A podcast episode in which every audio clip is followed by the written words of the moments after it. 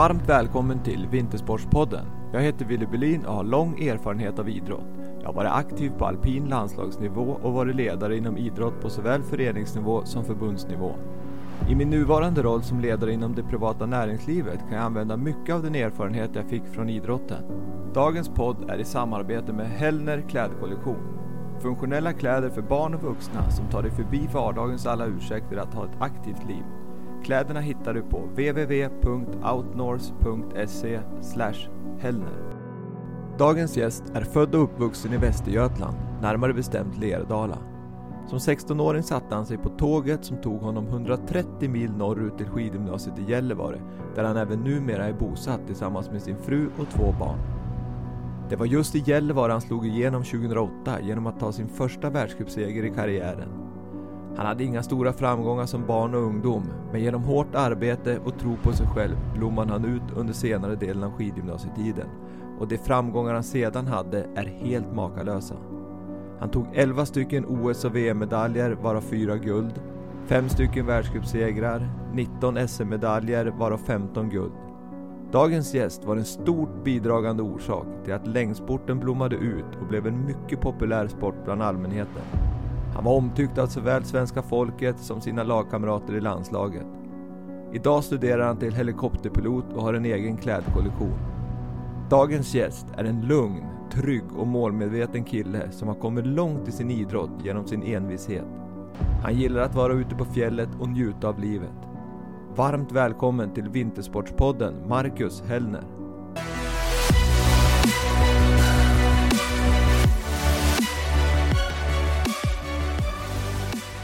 Tack så mycket.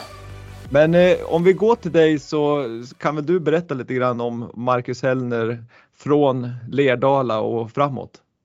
Ja, först tack då. Eh, nej, men eh, från Lerdala framåt. Ja, det är mycket som har hänt och det var en stor, en stor vändning för mig. Eh, bara att flytta upp hit till Gällivare. Eh, där jag fortsatt bor. Eh, och det var väl eh, hade väl inte så mycket tankar just själva flytten förutom att jag ville ju satsa på skidorna och få möjligheten att åka skidor på skoltid. Bara det tyckte jag var grymt så att jag, jag hade ju inga förväntningar alls egentligen när jag kom hit. Mm. Jag tänker från Lerdala som 16-åring, var det liksom ditt första alternativ att till Gällivare, det är dit jag ska eller hade du några andra tankar? Eh, nej, men jag Eh, jag hade som sagt jag hade inga förväntningar direkt på, på min flytt upp hit och eh, det var det var mest bara att jag tyckte att det, det skulle vara häftigt att, att, få göra det. Sen så var jag väl, eh, var väl ganska, ja, jag var sugen på att se något annat också. Eh, så att jag, eh, jag såg ju som bara fram emot mot det, men väldigt med öppet sinne och tänkte inte så mycket inför. Det var snabba beslut också när jag väl när jag flyttade och sådär. Så att det, nej, men det var väldigt förutsättningslöst. Mm. Men vad tänkte du då, då? Kanske inte tänkte så mycket som 16-åring att du skulle åka 130 mil norrut. Hur, hur var dina liksom, tankar då? Att det är inte direkt som man åker hem varje helg liksom. Nej, men som sagt, jag funderade ju inte alls särskilt mycket. Jag hade inga tankar på Alltså, jag vet inte riktigt, jag kan inte förstå riktigt just nu hur jag tänkte. För det var väldigt uh, oplanerat på något vis. Uh, väldigt sådär, uh, jag egentligen bara såg fram emot att börja här uppe. Mm. Även fast jag inte visste någonting om det egentligen. Jag kände ju ingen och jag hade pratat med, med tränarna kanske någon gång. Och, uh, hade inga kompisar eller någonting här. Och, och att ja, jag kommer i princip bara åka hem på de här långa loven. Ehm, mm. Men det man visste var att eh, det kommer ges tid för att träna och åka skidor och det var det jag såg fram emot mycket. Mm. Ja, det är modigt att, att göra den resan men sen är det ju som du säger att bättre förutsättningar för att åka skidor går väl knappt att få någonstans tänkte jag säga. Tid, mm, tid, tid, tidig premiär och fina spår och sen vår tänkte jag säga. Ni kan väl åka skidor in i maj där uppe misstänker jag. Ja, jag minns att jag läste någonstans i någon broschyr sen då om Gällivare att, eh, ja, hur många skiddagar det, det var och sådär. Eh, och då började det liksom gå upp för mig vilket ställe jag var på väg till. Eh, och det, det kände jag också tidigt här uppe. Jag tror första året som jag gick här så kunde vi åka skidor i oktober. Eh, tidigt i oktober, jag tror det var 5 oktober. Det var ju riktigt häftigt för mig då. Och sen efter det så låg ju snön hela vintern. Eh, så jag tyckte det var grymt på det sättet. Eh, just de här förutsättningarna som finns här uppe. Det, det, var en stor, stor grej för mig bara att ha snö hela tiden. Eh, det gjorde mycket. Ja, det förstår jag. Men som, som barn då, liksom när du var, växte upp, höll du på med andra idrotter då eller fastnade du direkt för skidåkningen? Ja, vi höll väl på, det var ju mycket fotboll och lite sån här sport, innebandy och lite sånt som det gavs möjlighet till i byn då, i Lerdala. Eh, jag prövade på en, lite olika, men det var väl mest skidor och fotboll som, som existerade. Eh, hade det funnits mer så då hade, det väl, hade jag väl säkert provat det också. Eh, men det var ganska naturligt då med skidor. Just för jag kom från familjen var ju intresserad av det och det var ju den här klubb känslan på något vis som man föll för lite också när man var yngre. Man tyckte det var kul att komma på träning. Det var inte bara just att åka skidor just, utan det var ju att, att träffa kompisar och hela den biten.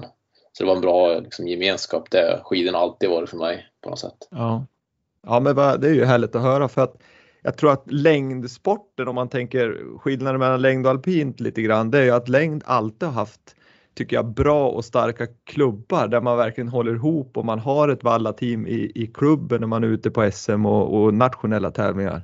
Mm. Så, för du bytte väl upp till Gällivare skidallians när du började där uppe? Ja, jag bytte direkt. Ja, det förstod jag väl att eh, förut, alltså Lerdala kommer ju inte ha någon som är ute och följer med mig och sådär och det var ju det är ganska naturligt för mig att byta och få lite mer stöttning och sådär. Och mm. Ja, liksom lagkamrater, hela den biten. Så att eh, det betyder också mycket att få det. Jag hade ju inte någon all, all credit åt mina föräldrar men var inte någon supervallare direkt så, så det var ju också, att få mer stöttning på det var ju viktigt då. Mm. Men, men Marcus, du, som jag har liksom förstått när jag har läst om dig och när jag pratar med folk runt om i, inom längdsporten så du var ju ingen barnstjärna inom, inom längdsporten. Du, du var ju liksom inte etta på alla tävlingar som barn utan du kom ju igång lite senare. Du, du var 18 på USM och, och, och sådär.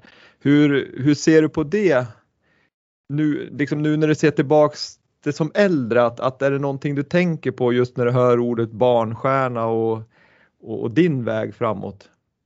Jo, ja, men det, det, det tänker jag väl tänkt mycket på. Att, eh, och jag tror det för mig var det, nog, var det nog bra på något sätt att inte lyckas så jättetidigt. Utan jag hittar ju, jag hittar ju glädjen till sporten tror jag. Att det var det som drev mig mycket när jag var som barn. Utan jag var, vann ju inte någonting i princip. Utan var, var jag alltid en bit efter och var inte så högt upp i resultatlistorna. Eh, utan det kom först som junior som jag började vinna grejer egentligen kan man säga. Och jag tror att ja, det var... Bra. Vad sa du? Nej, äh, äh, kör du. Eh, ja, men jag tror att det var, det var nyttigt och det var liksom just det här att man fick eh, hitta rätt till, till skidorna från början. Att det handlar mycket om glädjen att vara på skidor. Och det var mycket det som var fokus när jag var liten också. Det var inte så mycket... Det var ju mest från mig själv det kom det här att jag ville ja, att, man, att man ville åka bra på tävlingar. Så från klubben så handlade det ju, liksom, allt fokus var ju kring att ha roligt på skidor. Det har alltid mm. varit, har de alltid varit noga med på något vis. På något vis. Och det satt ju lite inpräntat i en. Mm, eh. ja, men det låter ju klokt för ändå ska man träna så mycket som en längdåkare gör så är det glädjen och det roliga måste ju vara väldigt, väldigt viktigt. Ja, ja men det var, det, så var det ju tidigt och det har väl alltid funnits med tycker jag. Eh, mer eller mindre. Just det att det är kul att åka skidor. Eh, det tror jag är viktigt. Ja, verkligen. Men sen tittar man sen så börjar det ramla på rätt så bra där på skidgymnasiet som i andra, på andra året i skidgymnasiet 2003 så var ni på ungdoms-OS i Slovenien och där knep du ett brons. Eh, och sen har du egentligen rullat på. Du, du var på VM 2007, kom nia på 15 kilometer och så sen 2008 då på hemmaplan i Gällivare tog du din första världscupstävling. Så att du det, har ju verkligen vad ska jag säga, fått, fått utdelning för din flytt till Gällivare med, med din utveckling? Ja, men det, det, det, märkte man ju. Det var häftiga år just det där utvecklingsmässigt. Man, såg, man riktigt kände hur man blev starkare och starkare hela tiden och, och fick eh, feedback direkt från liksom resultatlistorna också. Att det, det gick bra och att man utvecklades mycket. Det var häftiga år på det sättet. Det kändes som att man bara blev bättre och bättre hela tiden. Och mm. att, uh, det, var, det var väldigt roliga år i början, så det tycker jag. Men hur, hur att, att liksom, det blir ju en balansgång där och man känner att kroppen svarar, man, man ta stora steg framåt, men samtidigt misstänker jag att du och dina tränare hade någon form av plan hur ni skulle träna år för år för att inte göra det för, liksom, gå för fort fram. Ja, det, det fanns ju Lars-Gunnar som var min tränare när jag började här uppe i Gällivare hade ju någon eh, hade sån här lång plan eh, i timmar. Liksom, han visade mig någon sorts trappa och hur mycket vi skulle stegra träningen och sådär. Eh, sen var väl inte jag, jag tog nog för mig ganska bra så här i början som junior och sen så stagnerade det lite grann. Eh, jag, jag, var inte av de som tränade mest som, som sista års juniorer och sådär. Eh, och jag, det var väl en liten grej för mig också att ta lärdom av. Jag tror att jag hade nog kunnat gå på mer med träning eh, i, i, mina yngre år. Eh, så att eh, det var liksom, för mig så gick det lite, även fast det gick stadigt uppåt så jag gjorde ju inte vidare junior-VM utan var ju en bit efter där och var, för mig var det ju som lite ett misslyckande. Eh, hade ju högre förväntningar och sådär, lite krav. Eh, och det tror jag var lite för att jag inte tränade kanske nog som sista års, liksom sista två åren som junior. Eh, Men du ser det, inte att det kanske är det som ändå gjorde att du höll rent där kroppsligt och, och tog stegen ja, men efter skidgymnasiet istället för att bränna krutet för tidigt tänker jag. Ja, så kan det ju vara alltså, absolut. Det är svårt, det, man vet ju inte. Nej, det... Man kan ju bara se att eh, de åren då jag kom igång med träningen och jag tyckte jag hade som mest effekt när jag var när jag var sådär 23, 24, då var jag ju riktigt stark och jag tror att det var lite frukt av att jag fick till något år där då som första senior med, med mycket träning. Jag stegrade upp det ganska rejält. Mm. Och kanske tränade lite klokare också när jag var sådär andra, tredje års junior, eller senior. Men, men jag hörde ju, kan... jag har hört jag, jag har hört folk från, från din, när du kom med i A-landslaget och, och, du körde på där så, så har jag ju fått inside information om att du körde ganska hårt på lägren så att nästan de äldre fick dela upp sig för att orka med din enorma energi och ditt, liksom, ja, men din insats i träningen. Var, var det någon sanning i det? Ja, det sanningen var väl, alltså det var väl lite så här när jag kom med i A-landslaget så jag hade ju kanske inte resultaten för det. Det var ju lite Inge och Jocke då som var tränare som tog med mig lite på, ja, de trodde på mig helt enkelt. Och sen så kändes det lite så här som att jag måste bevisa min plats. Plus att jag tyckte det var väldigt kul att utmana de andra hela tiden. Så det var ju som mitt mål hela det året att försöka slå de andra i laget. Och då tog jag ju varje tillfälle som fanns. Och det, det, de, de liksom tänkte väl att eh, låt han köra sig slut ibland liksom. Kan jag tänka mig. Jag vet inte hur de tänkte men, men jag tror de hade ett bättre tänk mot säsongen än vad jag hade. För jag körde ju järnet på alla läger just för att försöka slå dem bara. Eh, orkar du med lägren då eller brände du för tidigt? Nej, men jag, jag, tror att jag orkar med lägren ganska bra, men det gick inte så bra för mig. Det var, jag brände mig kanske lite grann på hösten på höjdlägren, kommer jag ihåg. Mm. Men eh, det var nog mest kortsiktigt. Jag kom ju tillbaka ändå. Det året, så var ju då vi då var då fick vara med och ta brons där i Sapporo. Mm. Eh, och jag gjorde, någon, gjorde något hyfsat lopp på touren och sådär. Jag, jag var ändå stark under året, men jag tror just i början säsongen så var det ju mycket frågetecken. Då. Jag tror jag var 75 i, i Kosamo. så att jag, det var väl mycket upp och ner. Jag tror det var lite för att det varit en hård en hård säsong med mycket, lärd, mycket lärdomar av att eh, liksom, köra hårt också, måste jag säga. Ja. Men det är ju en, det är en ganska självklar sak egentligen att man, man kommer in som ny och så vill man verkligen visa de här äldre att här ja. ska jag vara för det är jag värd på något vis. Hur kände ja, men... du då? då? Var ledarna hjälpte de det där att liksom bromsa det lite grann och, och, förklara att du är här för att vi tror på det eller var det liksom ja, du lyssnade inte?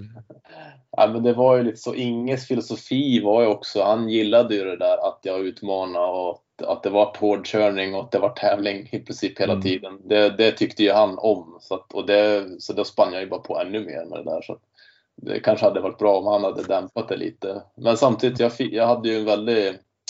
Ja, det var ju härligt på något vis. Man fick ju tro på sig själv och sen var det ju härligt att känna att eh, ledarna trodde på en. För det, det kände jag verkligen. Eh, både med Inge och Jocke där. Att de, de hade liksom tron på att jag skulle lyckas. Eh, det var ju aldrig att de ifrågasatte när jag, jag höll på där. men det, det, är alltid svårt att veta hur man ska göra. Men, men eh, ibland så är det nog bra att låta en individ liksom testa på sina gränser på något vis. Så det var det, jag tror mm. det var det Inge, han såg väl det på något sätt. Och när vi pratar om Inge, är det Magnus Ingesson då eller är det Inge? Det är Inge, Brå, Inge, Bråten. Inge Bråten. Ja just det. Och så Joakim Abrahamsson som, ja, som var den andra. Just det.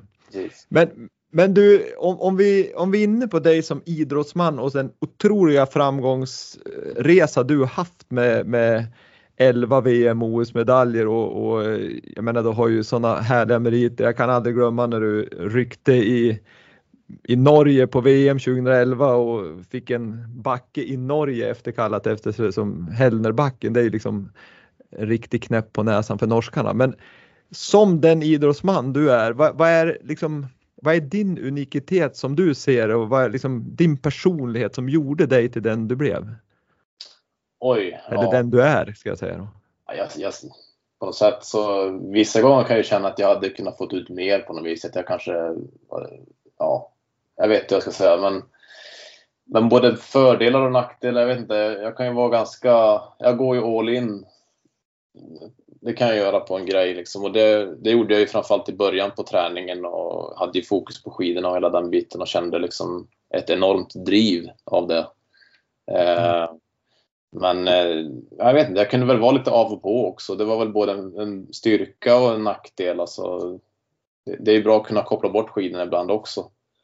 Eh, och jag tror att det, det gjorde mig på något vis att man ibland kan få lite distans till det det tror jag gör att man kan, det hjälper att kunna fokusera på mästerskap också. Att man, eh, man kan ta ner liksom, man kan göra det mindre allvarligt på något sätt. Mm. Eh, Vad gjorde du då, då för att liksom hitta andra saker i, under karriären? Alltså åkte du skoter eller körde du rally eller hade du någonting speciellt som du verkligen kände att det här kunde jag, nu kopplar du från press ja. och, och stress?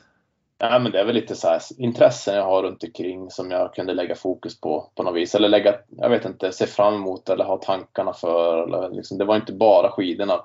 Även fast det tog största delen av min tid. Men jag tror att man har någonting annat som man kan, man kan hänga av sig skidoverallen på något vis och, och vara i andra tankar ett tag. Eh, mm. Det kunde jag göra av och till. Och ibland så kanske det gör att man blir lite ofokuserad. Eh, så kunde det vara för mig ibland, att man ibland vissa år så gjorde jag inte något bra jobb i träningen. Ehm, men, men det är nog också en styrka att kunna koppla bort det, för det gör ju att man kanske inte ser lika allvarligt på, eh, ja, på mästerskap och sånt och det gör i sin tur att man kanske presterar bättre av att man är mer avslappnad helt enkelt. Eh, svårt att förklara.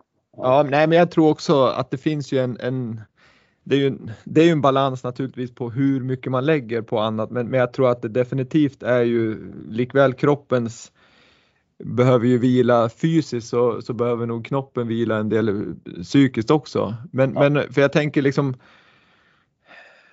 som idrottare så, så, vet man ju också att man kan ju bli grymt stressad om man som ni då som längdåkare som, som jobbar mycket med kvantitet i träningstimmar. Jag menar ni ligger på kanske, nu vet jag inte vad du hade, men runt tusen timmar kanske för en herre. Mm. Ja, per, per år. Och, I alla fall. och slår man ut det så, så jag menar, du missar du någon dag så blir det ganska mycket många andra dagar. Och tar du ja. semester två veckor så, så adderas det ju bara på de andra dagarna och då kan jag tänka mig då att stressen om man börjar liksom att göra andra saker för mycket kan, kan bli också ganska stor. Jo. Lyckas du hantera det? Eh, ja, jag var nog inte så stressad men jag kunde känna ångest om jag inte fick till träning. Eh, det, det kunde man den, den ångesten levde man ju konstant med på något vis. Just det här att träningsångesten man hade. det var också ett sätt det som drev mig lite grann och fick en att vara disciplinerad. Eh, men eh, jag tyckte jag kunde hantera det där ganska bra ändå. Och jag, jag trivdes ju med att vara när jag kunde få grotta ner mig och vara i bubblan med skidor så, så trivdes jag väldigt bra faktiskt. Det var bara liksom att kunna bestämma sig för att göra det. Mm. Eh, när man väl var där så jag, jag trivdes ju med det här att äta, sova och träna. Liksom det är en, en sorts enkelhet i det som, som jag gillar. Just det. Men, men om man tänker att ni tränar tusen timmar då, ish, ungefär. Hur... Eh, att vila förstår jag, men att äta rätt för att träna tusen timmar, du, du måste ju ha ätit tills du, det kom ut igen nästan. Ja, det har väl svängt lite hur filosofierna är kring det där. I början så var det mycket det där, speciellt som junior så kunde jag ju trycka i mig mat. Alltså det var det som en grej. Eh, att man såg att det här måste jag göra. Men sen så har det väl blivit, det har ju gått mer och mer åt att man eh, kanske tänker mer på vad man äter eh, och kanske tajmar måltiderna bättre. Eh, mm. Och den melodin tror jag väl mer på än att liksom försöka pressa i sig pasta på lunch och middag. Så istället så sprider man ut det och har, har med sig energi på passen och får i sig efteråt. Och, och jag tycker att jag har varit mer i balans när jag har fått till en sån kost. Eh, för det, det, det, det, tror jag har svängt lite under de åren som jag höll på. I alla fall som, när jag var som junior så var man ju lite sådär att man ska göra som Gunde gjorde på något vis. Att mm. För sig att det bara att trycka i sig mycket mat. Men jag kan inte säga att jag mådde bättre av det eller tränade bättre av det. Vem, vem var din förebild om vi ändå pratar förebilder? Var det Gunde eller hade du Thomas Wasper eller vem hade du?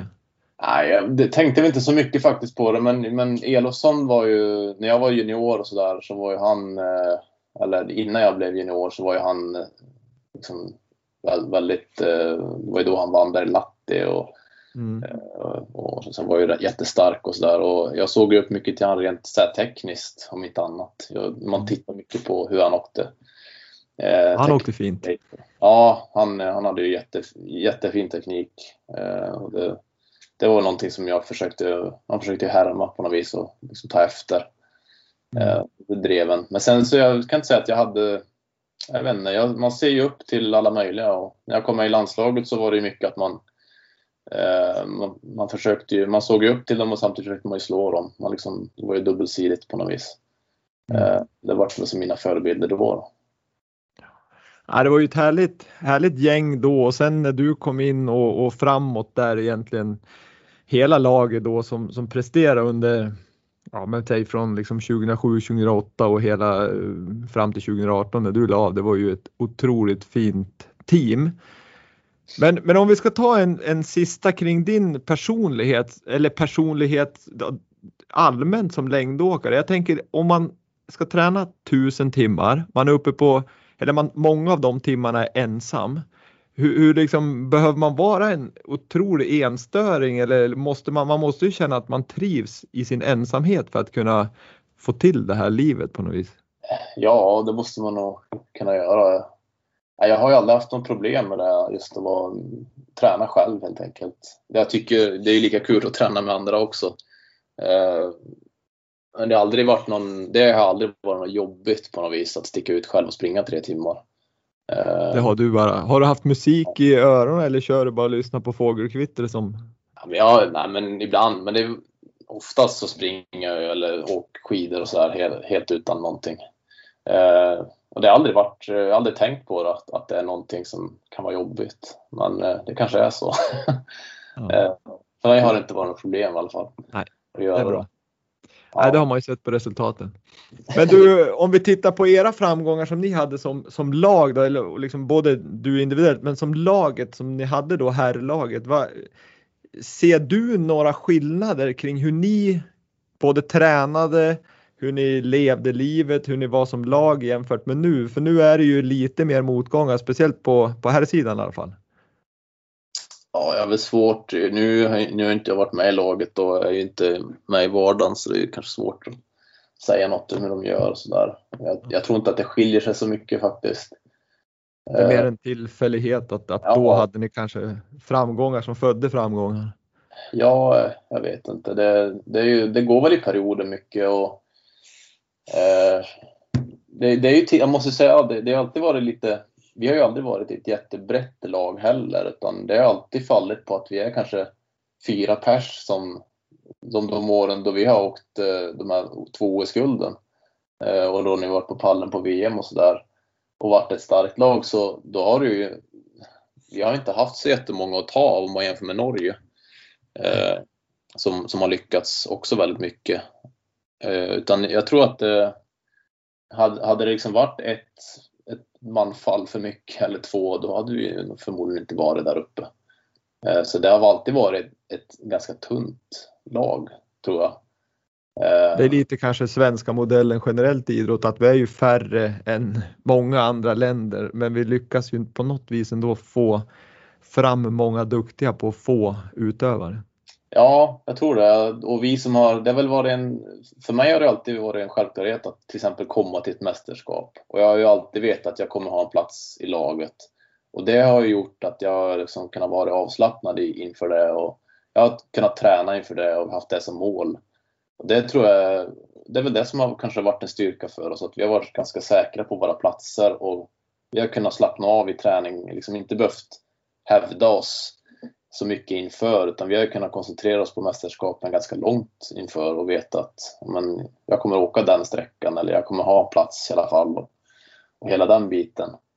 Eh, det, det, tror jag det kanske har, det har passat de här, de här individerna som vi har varit i alla fall. Ja, för det är intressant, eh, intressant eh, synvinkel på det, för många pratar ju om den, liksom, den amerikanska modellen där man ska köra ett, i princip en tävling och det får bli de som åker på OS eller VM.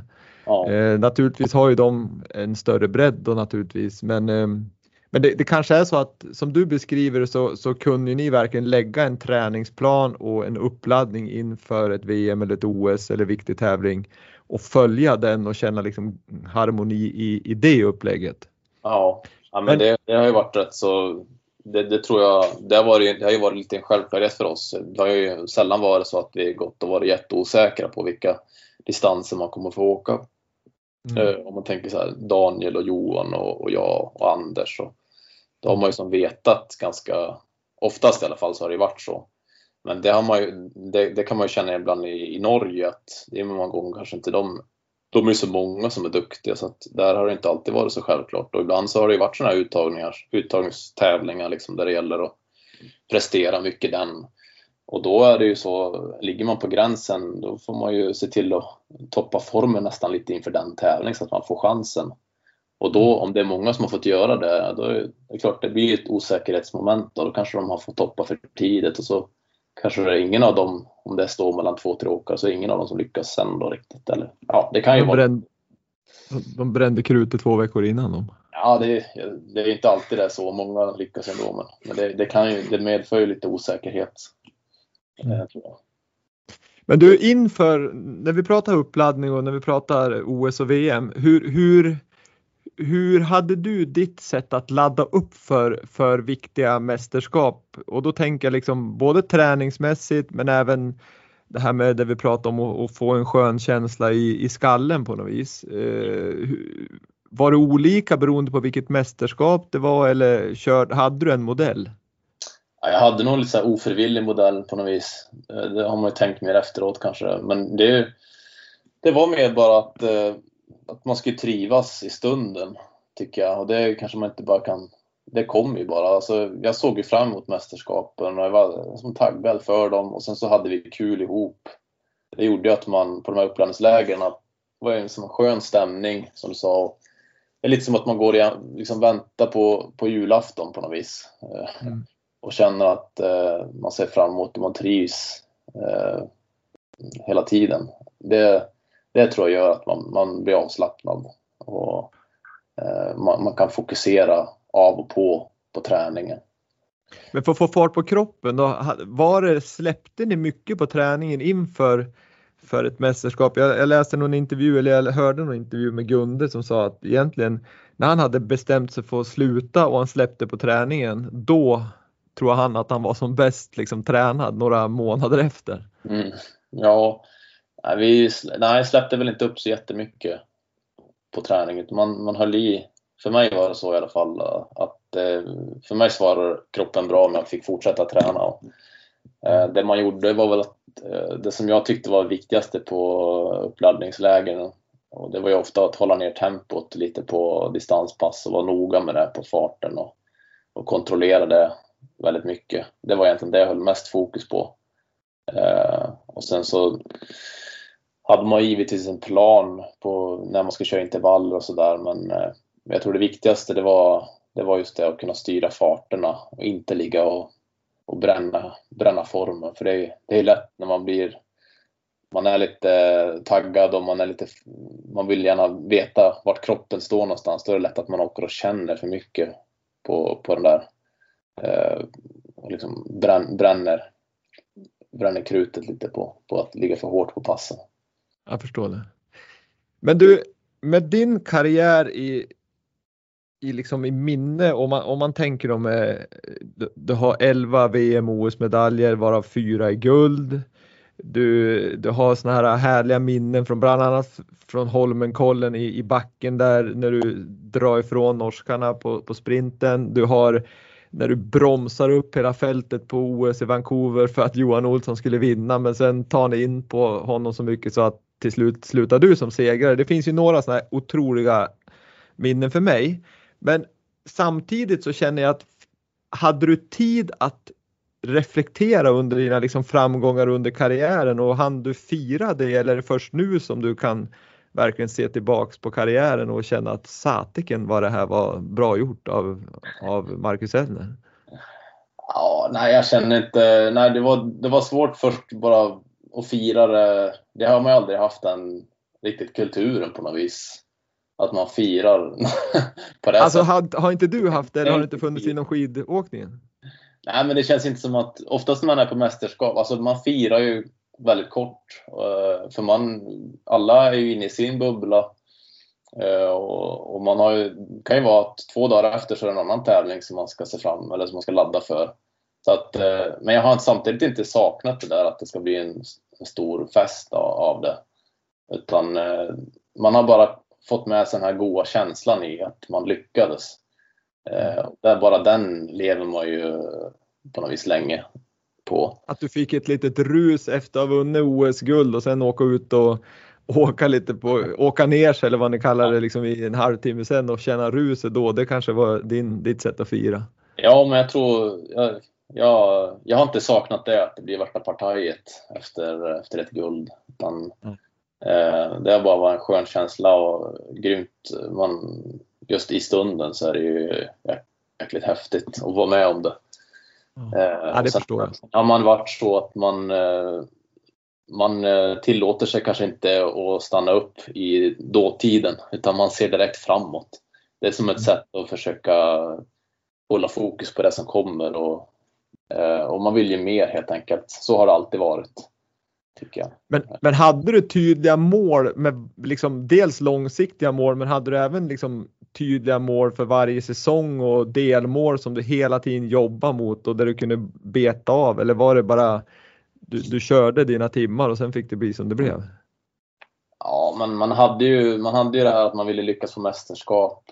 Det var ju, var ju en stor grej. Sen var det kanske inte så specificerat att eller ja, det, det, var det väl egentligen. Just de här 15, 15 skate-loppen var väl det enda egentligen jag riktigt så här, eh, hade i huvudet väldigt mycket. Men eh, mm. det var inte de jag lyckades bäst på heller. Men det var skate som var din liksom ja, det var, favorit? Det var, det är väl, det var väl liksom det jag har laddat mest för om man tänker. Jag, det har jag fokuserat hårdast för just de loppen och haft i tankarna och så här. Men samtidigt har jag vetat om att uh, har jag bra form så kan jag lyckas på annat också. att det, kanske har, det grova målet har väl mest varit att komma till VM OS med bra form och sen ser man lite vad som händer och vad det finns för möjligheter. Mm. Uh, men det är de här 15 skateloppen som jag har uh, tänkt mest på. Ja, men tittar man på din karriär när du säger det faktiskt så, så nu, nu säger jag inte att det är dåligt, men du har ju bara om jag får säga så då, fem världscupsegrar. Mm. Ehm, och 11 stycken VM-OS-medaljer så det kanske är så att du, du har lagt verkligen dina, ditt krut på, på eh, mästerskapen? Ja, jag har, jag har, jag har velat lyckas eh, på världscupen. Det har också varit mål. Eh, sen har jag inte gjort det bara. det har gått bäst på mästerskapen egentligen och på enskilda tävlingar och så. Eh, jag har inte varit den där superstabila åkaren eh, och det har jag ju velat vara. Jag har ju tränat för det och så, men, men inte kommit dit helt enkelt. Nej, det är ju inte så att du har gjort det dåligt. Jag menar, du har ju vunnit världscup och du har tvåa i Tour de Ski så att det är ju fantastiska resultat. Men jag tänker i, i relation till ja, mästerskapsmedaljen. Det, tycker jag inte under stol, det har ju varit mina mål. Jag har ju haft som mål, och, eller jag har ju velat åka, det har jag alltid velat vara, vara stark totalt sett uh, på, under hela året. Men det, det, har man ju känt också vissa säsonger, att man inte haft den här stabiliteten. Och jag var, har ju varit rätt svajig på framförallt klassiskt. Eh, men det har jag lagt mycket energi på att försöka bli bättre på. Jag har inte försökt eh, specialisera mig på, på skate utan jag har försökt träna allting för att kunna hålla den nivån. Eh, och det gjorde jag väl mest i början. Sen, sen var det några svajiga år där jag var, var väldigt mycket upp och ner. Mm. Men du, nu när du har liksom tre år som skidpensionär då och, och tillbaks på, på din karriär. Är det någonting du känner sådär att det här skulle jag ha gjort annorlunda om jag fick backa bandet? Ja, det, jo, det är mycket som jag, jag tycker jag skulle ha tagit för mig mer i träning eh, därefter. Eh, ja, men jag hade en liten svacka efter 2011. De två åren där mot Val där hade jag eh, det var en dålig insats av mig eh, och kanske lite nonchalant också. Var väl lite hade lite för gott självförtroende tror jag efter 2010-2011 och tänkte att det var inte så noga hur, exakt hur jag tränade och vad jag gjorde, att jag skulle lyckas ändå. Men så var det ju inte. och vad var det som fick dig liksom att tänka till där? Var det du själv som kände att nu gjorde jag fel här eller ut, gjorde ni på någon utvärdering tillsammans med tränarna? Nej, jag kände tydligast det var under VM i Val. Då gick det upp för mig på riktigt att vad, vad är det jag håller på med egentligen? För det, jag kom ju dit och var inte i form och lyckades inte heller. Eh, stafetterna tog vi silver på, men i övrigt så åkte jag ju inget bra. Och mm. vart förbannad på mig själv eh, väldigt mycket. Jag låg och tänkte på liksom, kvällarna där att eh, vad, vad, ska jag göra nu inför, inför kommande år och, och inför Sochi och sådär. Så att jag blev, jag hade mycket inre sådär tankar just under mästerskapet. Jag ville nästan bara därifrån och åka hem och börja träna inför nästa. Det var min känsla. Så där gick det upp för mig vad jag hade gjort. Så sätt. Men, men det var ändå så att det var, du kände liksom att det var din, vad ska jag säga, det var, om jag får säga så, ditt fel så att du, du la ändå oh, det, det på dig själv. Det var ingen ledare som du kände hade gjort fel eller? Nej, nej, nej absolut inte. Utan det var ju, det var jag själv som inte hade Eh, tagit kanske nog hjälp i träning. Jag hade distanserat mig också lite så här från tränare och tänkt att jag fixar det själv. Eller, jag, ja, jag gjorde, min, gjorde helt min egen väldigt mycket. Mm. Eh, och, nej, jag tror, det, jag vet inte, det kanske var ett sätt också för att verkligen förstå. Då. De kanske, jag kanske behövde de där motgångarna för att fatta att jag måste vara lika seriös som jag varit. Mm. Eh, men det, det, kan jag väl ångra att jag inte förstod det bättre. Eh, men, var, det no var det någonting som var det bara rent allmänt att du liksom, nej men jag är nog så bra så att jag behöver kanske inte träna lika hårt eller vara lika seriös med, med återhämtning och, och kost och så vidare. Eh, eller var det liksom, blev det så mycket efter 2010 Vancouver och de otroliga framgångar du hade då med sponsorer och, och sånt där som, som kom in i bilden för mycket eller vad har du för tankar ja. där? Ja, jag tror det kan vara en, inte just det här med sponsorer och det, det, det var jag mest bara glad för. Det tror jag inte påverkade något negativt, men däremot att det gick så bra så började det få för mig att jag hade lyckats där. Jag hade åkt bra flera år och lyckats bra på mästerskapen. Eh, och var väldigt stabil. Jag åkte ju bra totalt sett också, även fast jag inte vann totala världscupen så var jag högt upp där. Eh, så att, eh, ja, men jag, jag tror jag blev lite nonchalant just. Tappa lite kanske ödmjukheten inför att jag måste träna väldigt fokuserat och hårt. Och sen så kanske jag kände också, man, jag vet inte, på något sätt så efter Holmenkollen och det så det var ju stora framgångar för mig och eh, det, var, det är också väldigt om, liksom, det är mycket som händer när man, när man bli känd och allt det här som man går igenom. Eh, och det, det kanske är svårt att ibland hitta tillbaka till eh, ja, den här vardagen just, just där och då. Jag säger inte att det var någon jättestor skillnad i mitt liv, men det blev ändå en skillnad. Jag vart ju igenkänd när man var på stan och allt möjligt. Och, eh, det, det tog väl lite tid kanske att bara lära sig hantera det. Hur, hur hanterar du det då? Liksom fick du, jag, jag, jag, ser ju bara framför mig att du kommer från Lerdala, du flyttar som 16-åring upp till Gällivare där det också är ganska lugnt och skönt sådär. Och sen mm. slår du igenom med dunder och brak. I och för sig vann du ju världscupen i, i Gällivare 2008 men ändå efter, det känns lite grann som efter 2010 där då var det ju verkligen längdfeber och det var Hellnerfeber och ja, allting kom på samma gång så du åkte ju lite grann rakt in i tv-rutan. Och därmed också förmodar jag att, att eh, massa samarbeten med sponsorer kom, kom upp och så vidare. Fick du någon hjälp att hur du skulle hantera det här? För jag, jag menar då helt plötsligt gick du på stan i Stockholm så misstänker jag att du fick både den ena och den andra kommentaren också. Ja, det, jag hade nog inte något jätteproblem eh, så. Det var nog mer det att det kanske tapp, jag tappade fokus lite från träningen på något vis. Mm. Eh, men jag hade ju bra folk runt omkring. Det, det hade jag.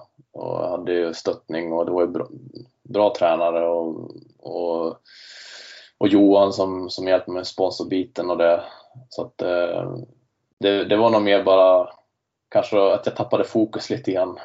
Eh, och just det att man tappade vad som var, just för att kunna ly fortsätta lyckas. Eh, mm. Som, som tappade fokus på det.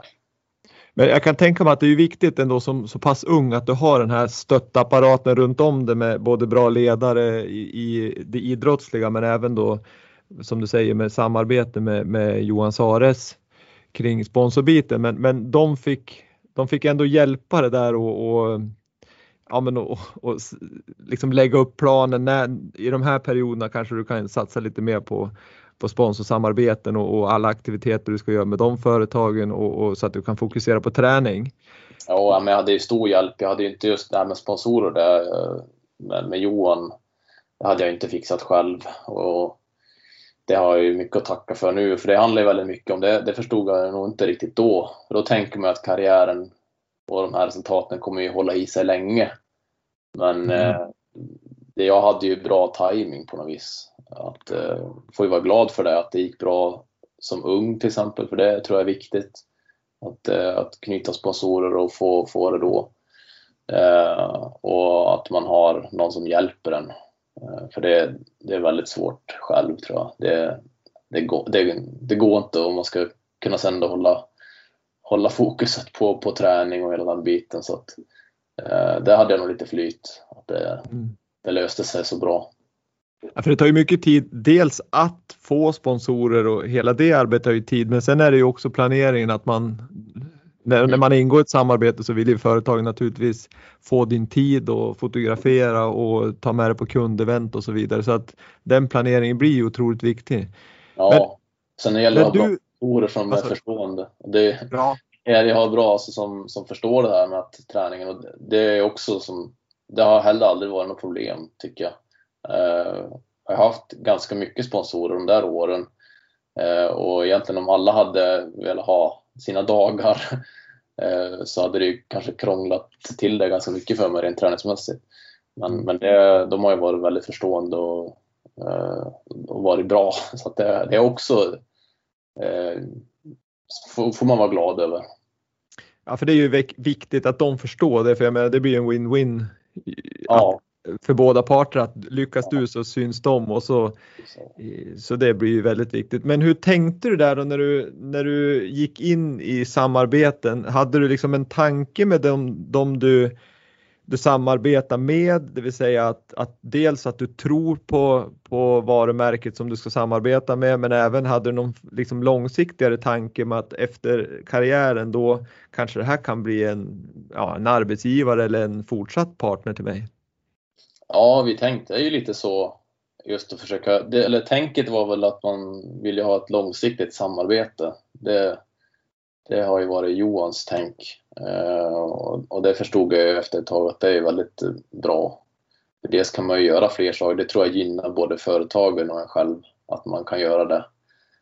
Eh, och sen, eh, ja, men sen handlar det väl om att ha företag som, ja, som man trivs med på något vis och kan stå bakom och, och hela den biten. Och personer som man samarbetar med också, som, alltså de här representanter från de här bolagen som, som eh, man funkar bra ihop med och det, det är också viktigt. Mm. Så är det Ja men det förstår jag verkligen. Ehm, men när vi har pratat om din karriär och, och så vidare så nu har vi pratat lite om vad du kan göra, kunnat göra annorlunda, men är det någonting från karriären som du saknar idag?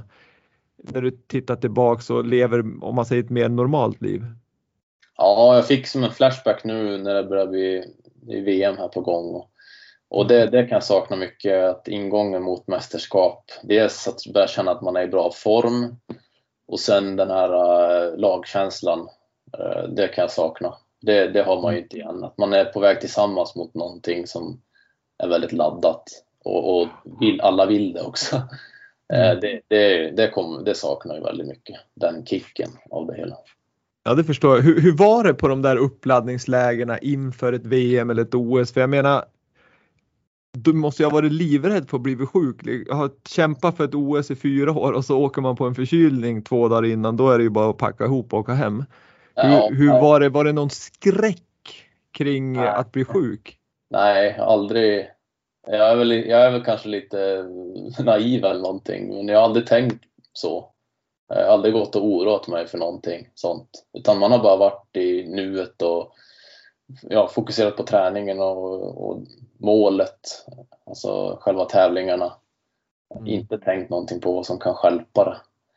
Nej, eh, nej men det är nog kanske äh, klokt för, för då, det kan nog få det att skälpas det. Ja, jo, så är det ju. Det, det, kan bli mycket nerver. Men jag har ju klarat mig just från, från det har jag klarat mig bra. Sen har, det ju, jag, jag har haft flyt också. Säkert hade jag tänkt mer på det om jag tidigt något år hade haft strul och inte haft, ja, blivit skadad eller sjuk eller någonting och förstört något mästerskap, då kanske det hade satt sig mer i huvudet. Men jag har inte tänkt på det, för jag har, liksom, det har inte funnits det alternativet. att jag ska bli sjuk, utan det är ju självklart att man kommer vara frisk. Men så är det ju givetvis inte. Så har jag tänkt. Jag vet det. Ja, det, det, det, låter väldigt klokt, men, men jag vet inte om det är någonting som, som folk tror eller får för sig när man, när man tittar på dig som, som person och från din karriär så, så får jag någon så här jag skulle nog likna dig mer med Thomas Wasper än Gunde Svan, hur du är som person. För det kändes som Gunde var ju rädd för mycket och han hade ju sitt sätt att ladda upp och han skulle ha egen mat med sig när han åkte på OS och sådär. Medan Wasper han körde ju mer, ja men det är bara att köra liksom så blir det här bra. Är det mer åt Wasper hållet du känner att du är eller? Jo, det är jag nog. Ibland har det nog varit bra, ibland inte så bra kanske. Jag har ju kunnat vara obrydd, alltså det, det, det har jag kunnat vara. Mm. Eh, och ibland har det, har det varit bra att vara så, men ibland har det ju slagit tillbaka. Att jag, att jag inte har varit obrydd kanske. Mm. Ja, eh, så kanske. det är nog bra dåligt, kan man sammanfatta det med. Men är det under din karriär då, är det, känner du att du fick göra uppoffringar och då tänker jag på allt det här som, om jag får säga vanliga barn och ungdomar håller på med, med att vara med kompisar och, och gå på fester och allt vad det nu kan tänkas vara de håller på med ungdomar. Är det, är det någonting du känner att fasiken det där fick inte jag göra som, som ungdom och junior? Och... Nej, nej, jag känner inte det. Att, eh, att det är så. Jag var inte så, jag var inte på så mycket fester och hela den biten som ungdom heller och var inte så mycket sådär. Jag bodde ute i Lerdala där och hade inte mm. jättemånga kompisar där.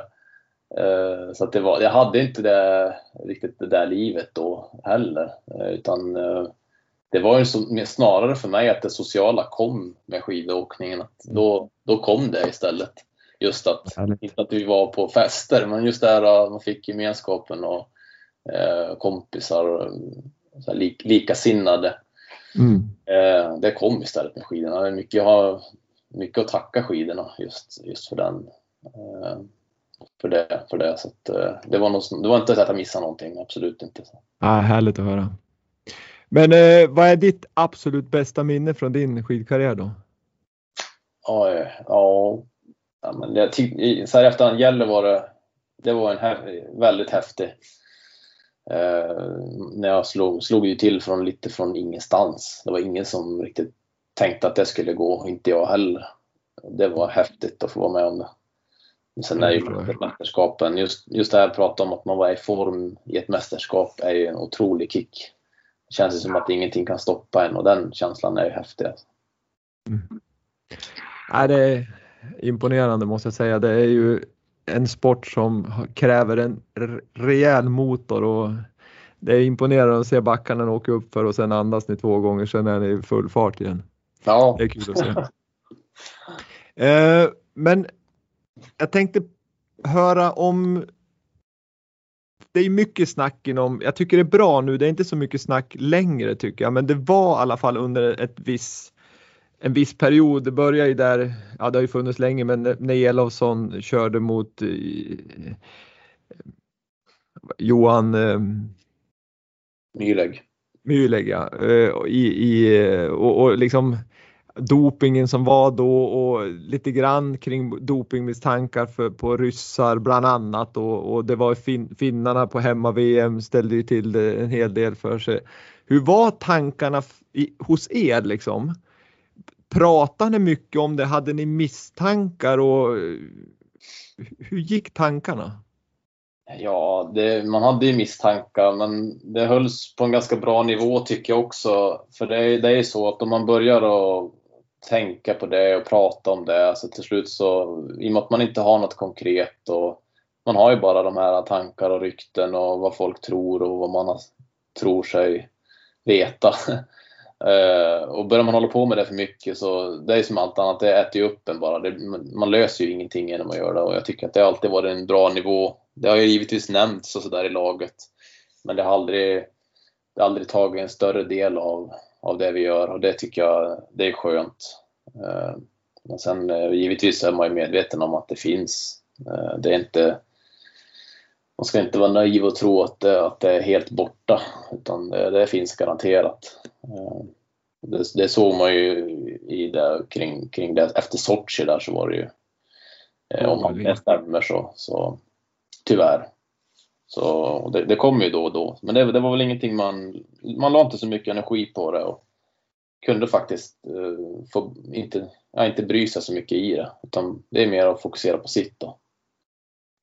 Ja, det, det, det är ju det är ju en balansgång där för man, det är ju inget man kan direkt påverka att hålla på och tänka på alla andras vad de gör och inte gör och så, och så vidare. Det tar ju bara energi. Men jag, jag kan ändå tänka mig att när man ser vissa som åker så måste ju tankarna gå liksom att det, det, kan inte vara möjligt för jag har ju tränat lika mycket eller mer och så ser man bara hur de dammar förbi en.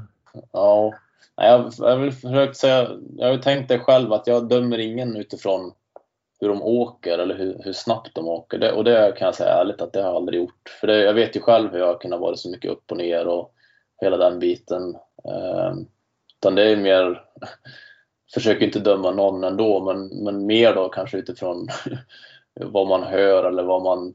Man kan ju känna ibland också vad de omger sig med för personer. Mm. Att man har tränare som har varit dömda och man har mm. kompisar som i princip är avstängda och man tränar med dem. Alltså sånt har jag reagerat mer på för det vet jag ju det kan man känna att det hade man ju kanske mer tagit avstånd. Men det, det kanske är lite mer vår kultur i Sverige också, att det har blivit så.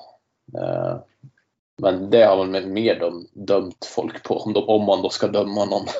Mm. Ja, det, är ju, det är olika kulturer, det, så är det ju helt klart. Ja. Men du, om vi är inne på lite prata olagligheter och så vidare så kan jag inte undvika att ställa frågan kring Northug och hans, du hade ju enorma bataljer med honom under din, din tid som aktiv. Sen har ju han gjort några liksom saker efteråt som inte har varit helt så här jättebra. Hur, hur, jag behöver kanske inte fråga hur du ställer dig till det, men, men har du någon kontakt med honom och kring sådana här saker eller är ing, ni har ingen kontakt alls? Eller?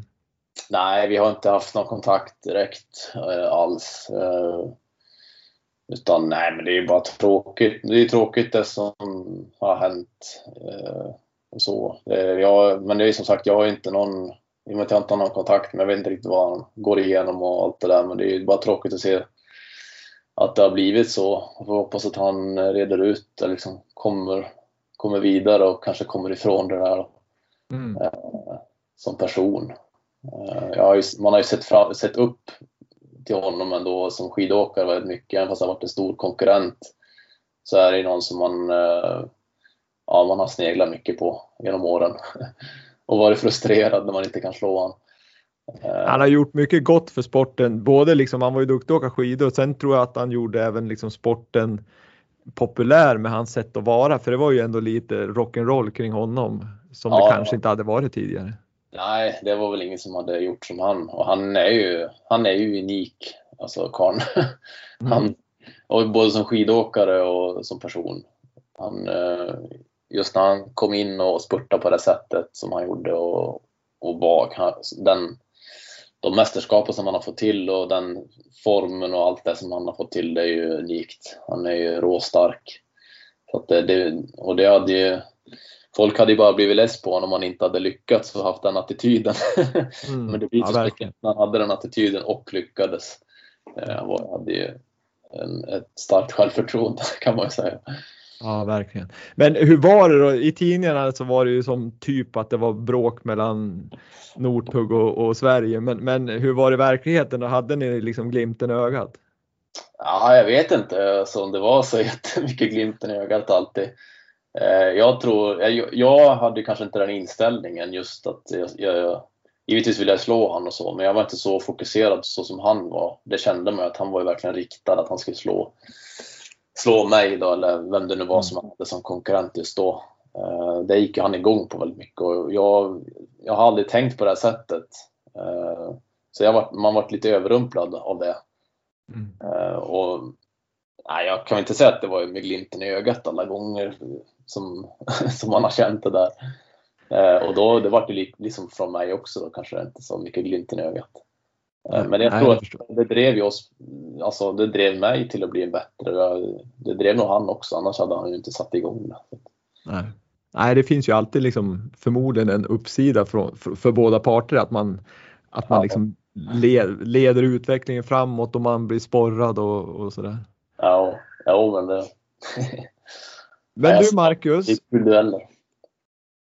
Uh, vi, vi, vi har pratat mycket om din bakgrund, din karriär såklart. Det är ju det som både jag och, och lyssnarna är väldigt, väldigt intresserade av. Men, men, samtidigt så tycker jag det är härligt att höra den här sköna personen Marcus Hellner som jag verkligen tycker har rätt liksom eh, inställning och en härlig personlighet som, som jag tror har bidragit till sportens popularitet i Sverige som som jätte liksom härlig kille som, som lyckades bra med resultat och så vidare. Så att vad, det, vad gör Marcus Hellner idag efter karriären?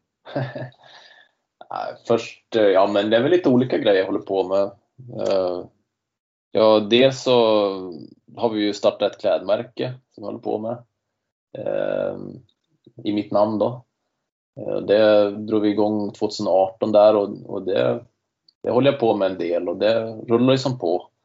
Eh, sen så har jag framförallt tycker jag passat på att vara med mina barn mycket och här hemma. Det, det är jag väldigt glad över att jag har kunnat vara mycket och det, det trivs jag jättemycket med. Eh, och sen så håller jag på, jag har ju studerat, håller på att studera utbilda mig till pilot. Så det är lite allt möjligt. Och då är det pilot i flygplan eller är det helikopter? Ja, helikopter är det. Eh, jag fick ju för mig att jag skulle börja med det. Jag har väl egentligen aldrig haft det intresset kanske förut men det var som på slutet av mina år så började jag fundera vad jag ska hitta på när jag slutar. Och, och jag, ville, jag kände att jag ville bo kvar här uppe i norr och hitta någonting som är kul att göra. Och, eh, ja, då började jag tänka på det att men det är ett jobb som man är mycket i naturen och till fjälls och samtidigt ett, eh, känns som ett roligt jobb. Och sen hade jag ett sug av att utbilda mig också. Det har jag alltid känt att jag ville, jag vill plugga till någonting och då passade det ganska bra.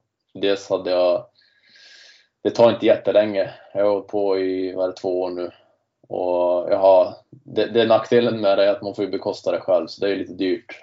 Men den möjligheten har jag ju fått av via skidorna, att kunna lägga pengar på det. Så då kände jag att jag, att jag gör det. Sen får vi se då vad det blir. Ja, vad kul! Ja, det är verkligen en, eh, som en dröm tror jag många har att få flyga helikopter. Det är liksom, det drömmer skulle jag säga var och varannan person om. Sen, sen eh, att kunna ha möjligheten att, att utbilda sig och, och bekosta det, det måste ju vara jättekul och hoppas verkligen för din skull att du hittar något bra jobb som passar ditt liv just nu och, och som du kommer trivas med inom, inom det gebitet. Ja, får se. Det är ju, det är ju ett jobb då man är borta mycket så vi får se hur det, hur det faller sig. Men, men någonting hoppas jag i alla fall. Jag har, jag har liksom inte ångrat någonting under de här, den här tiden. Och, ser, det är så kul för man lär, får liksom lära sig saker hela tiden och man blir aldrig färdig med det. Utan det är något som tilltalar mig mycket. Ja, härligt. Men du om vi går till ditt klädmärke där eh, som, mm. som heter Hellner. Mm. Eh, är det liksom, har du designat eh, kläder själv och hur, hur, hur, hur jobbar du, hur är aktiv där i, i det Eh, uppdraget? Ja, men vi, eh, det är väl ett team som håller på med det. Det är ju Outnorth och jag tillsammans som tar fram de här och det säljs ju på outnorth.se. Mm. Eh, och de har ju lite erfarenhet av egna varumärken sedan tidigare så, att, så de har ju designers och, och, och folk som håller på med det. Och, och då, ja, och det, då blev det att vi körde det här ihop. Outnorth har ju varit en sponsor åt mig sista åren som jag höll på. Så att eh, det kom ju några tankar från dem om att starta det här och jag, jag, tyckte det kändes som en väldigt rolig grej att göra. Jag mm. hade nog inte klarat av att göra det själv så att, eh, jag är glad att, att det fanns den möjligheten. Och sen så Där det... visas, visar du med bra samarbete som är långsiktigt från den aktiva karriären till ja, någonting efter. Precis. Det, det var väl kanske inte tanken först från början med Outnot i och med att de mest säljer eh, grejer. Då. Men, eh, men det, var, det var jättekul att de, det var ju lite deras idé. Men sen har man ju alltid haft det i tankarna också att eh, man kan använda sitt namn till någonting och många gör, har gjort så. att Man startar några kläder eh, eller något liknande som har med sporten att göra och jag tycker det, det är kul, kul personligen bara att vara med och ta fram eh, kläder som man är stolt och nöjd över och sen så är det ett sätt också att hålla sig kvar, kanske hålla sig kvar i skidvärlden lite grann. Mm. Eh, så det, det, känns jättespännande och för, man försöker ju bidra med sitt då, det man har fått med sig efter alla år man har tränat i träningskläder och sådär. Så du, du, har möjligheten att påverka att eh, tightsen ja. de ska vara så här och en eh, underställ ska vara si och så? Jo, jag tycker jag är med väldigt mycket och de, absolut så så, så påverkar jag mycket. Det tycker mm. jag. Eh, och annars hade jag nog inte velat vara med. Eller för mig har det ju varit viktigt, jag har varit väldigt tydlig med dem från början, att, att vi ska göra bra grejer som, som man kan bära med stolthet. Alltså att jag kan vara nöjd över dem.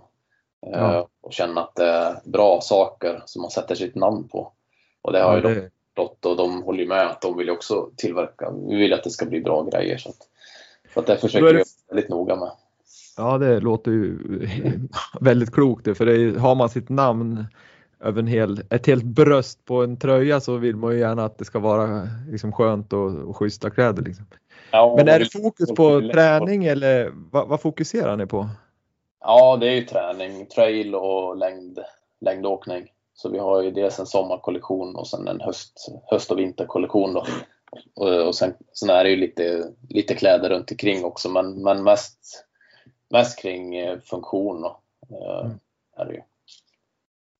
Ja, det är kul Marcus att du, att du har sånt engagemang och en sånt eh, varumärke som, som du får jobba med. För jag, tror att eh, idrottare och speciellt ni som har jobbat mycket med, med, med uthållighetsidrotter har ju mycket att ge just i funktionalitet för det känner man ju själv när man håller på att idrotta på motionsnivå att, att bra kläder är liksom det underlättar ju om man ska vara ute och springa eller åka skidor länge och, och att det liksom är bra kvalitet.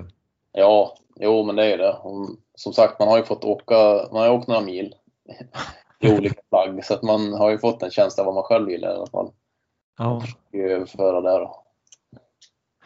Ja, det är jättekul att höra Marcus. Det är en fantastisk eh, resa du har gjort. Eh, vi har två mm. frågor kvar egentligen och en är en lyssnarfråga och en är en fråga som jag ställer till alla som är med i podden. Och, och lyssna frågan den är väl eh, kanske lite så svår att, att, besvara men, men jag, jag, tycker ändå att, att den är bra fråga och relevant. Och, och frågan lyder så att vilket var ditt favoritpass som aktiv? Eh, jo, jag skulle nog säga eh, de här, jag, kör, jag hade ett pass där jag körde på Dundret upp som vi kallar Femmanvägen. Körde jag väldigt mycket genom alla år. Eh, som jag tror byggde mycket kapacitet för mig. Det var alltså skata rullskidor upp då. Eh, och längre intervaller, typ 10-15 minuters drag och så gjorde man det så att man hade ungefär en timma i åktid. Eh, och de, de gillade jag på något vis. Det var så skönt efteråt när man hade ja, kört de där intervallerna. Men var det 10-15 minuter lite lätt upp för då? Ja, det var inte bara lite lätt upp för det var ju väldigt... var det upp till hotellet där på? Nej, det är på baksidan av Dund. Den är, Femmanvägen heter den för att den är 5 km lång då. Och så är det ju, ja, i många fall höjdsmeter är det. Den är ju brant i alla fall. Det är en rejält brant backe och lång. Uh, och det, jag har ju alltid trivts i backar. Så det, det var det också, att det har varit min styrka. Så det, var ju det, det är kul att träna på det som man känner att man är bra på också. Men då så fick du skjuts ner eller, eller släppte du på ner bara? Ja, nej, jag, jag har väl gjort någon gång att jag släppt på ner men till slut så insåg man ju att det är livsfarligt att göra det. För det är ju även en, eh, kan ju komma bilar där då. Då hade man ju förmodligen skada sig rejält eller så. Så att, eh, nej, men i början så då, då kom jag ihåg, då höll jag på att bolla men då körde jag upp bil och sen cyklade jag ner, åkte rullskidor upp, sprang ner. Alltså jag försökte lösa det sådär själv. Ja. Men till slut så hade jag, till slut så löste jag så att eh, jag hade alltid någon som skjutsade mig då. Anna har hjälpt till eller någon tränare och kompisar och sådär. Så att eh, jag har alltid haft hjälp eh, att få, få skjuts ner då. Ja, men det låter som ett härligt pass, 10-15 minuters intervaller. Själv är man nöjd om man kör 15-15. Ja. Och då pratar vi sekunder. Ja. ja det var ett hårt, ja. skönt efteråt som sagt. Ja, jag förstår det. Verkligen. Men den sista frågan som jag ställer till alla deltagare och du får svara precis utifrån ditt perspektiv. Och det är om du kan ange en framgångsfaktor för att lyckas inom en idrott. Ja, men det är ju, vad ska jag säga, alltså det här att ha drivet, att ha ett långsiktigt målfokuserat driv, det tror jag Gör, har man bara det så då, då går det nog bra förr eller senare. Det tror jag innerst inne på att eh, kan man, klarar man hålla fokuset och verkligen hitta det där drivet och, och bara fortsätta. Det, det är väl det viktigaste. Den här framförallt inom vår sport. Det kan ju ta många år innan man når sin största framgång. Men kunna, att kunna gneta på just träningsmässigt och, det, och fortsätta ha drivet, det tror jag. Det, det, I skidor så går det nog inte utan det. Nej, men det låter klokt. Långsiktighet, målmedvetenhet och tro på sig själv. Då, det är ja. Marcus Hellners recept på framgång. Det låter klokt. Men du Marcus, vi ska avrunda Vintersportpodden med dig nu och jag kan bara säga ett stort tack till att du ville vara med i Vintersportpodden. Ja men tack själv. Det var, det var kul. Och sen får jag önska dig all lycka framåt med eh, oavsett vad du än tar, tar du för men klädmärket och eh, pilotandet ska, hoppas jag ska göra dig lycklig i livet. ja men tack ska du ha. Tack, tack.